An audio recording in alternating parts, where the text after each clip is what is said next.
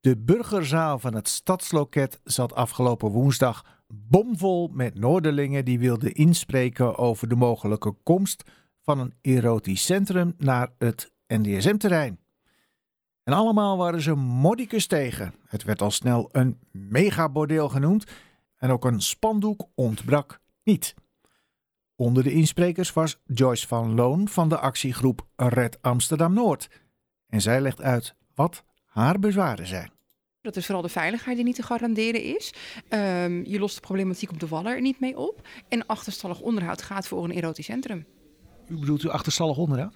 Nou ja, achterstallig onderhoud in heel Amsterdam-Noord. Er zijn heel veel problematiek met rioleringen, bedrijven die weggejaagd worden.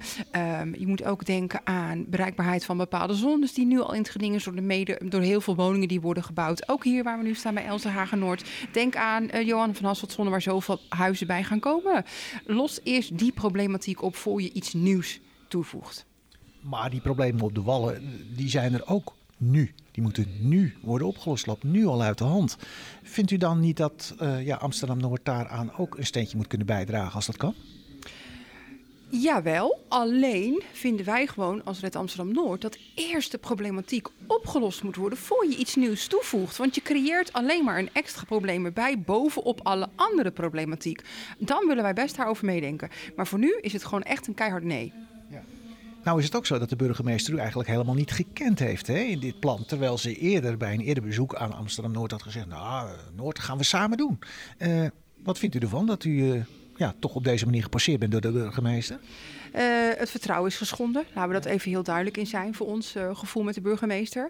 Uh, we staan absoluut zeker open om samen met de burgemeester alsnog aan de aanpak Noord te blijven werken. Alleen, we willen niet met dit soort dingen overvallen worden. Zo simpel is dat. We hadden gewoon verwacht dat we hier tenminste van op de hoogte werden gesteld. En dat zijn we niet gedaan. En dit was gewoon zo'n ontzettende schok voor ons, omdat Noord nooit op die lijst heeft gestaan. Dus dit erotisch centrum was nooit een probleem voor Amsterdam-Noord. Ja, die lijst met locaties die mogelijk zouden in aanmerking zouden kunnen komen voor zo'n erotisch centrum. Precies. Het is ineens op de shortlist gekomen. Ineens, uit het niets. Boom. En dan moeten wij het ook nog vanuit de media vernemen. Dus de vertrouwensband is beschadigd. Maar we blijven de burgemeester uitnodigen om met ons in gesprek te blijven gaan over de aanpak Noord. En zoveel vertrouwen is er nog wel in de burgemeester dat de dingen die u aandraagt ook inderdaad door de burgemeester serieus worden genomen? Ja, dat denk ik wel. Goed. Nou, dan heeft het stadsdeelbestuur hier, hier ook al een uh, advies afgegeven.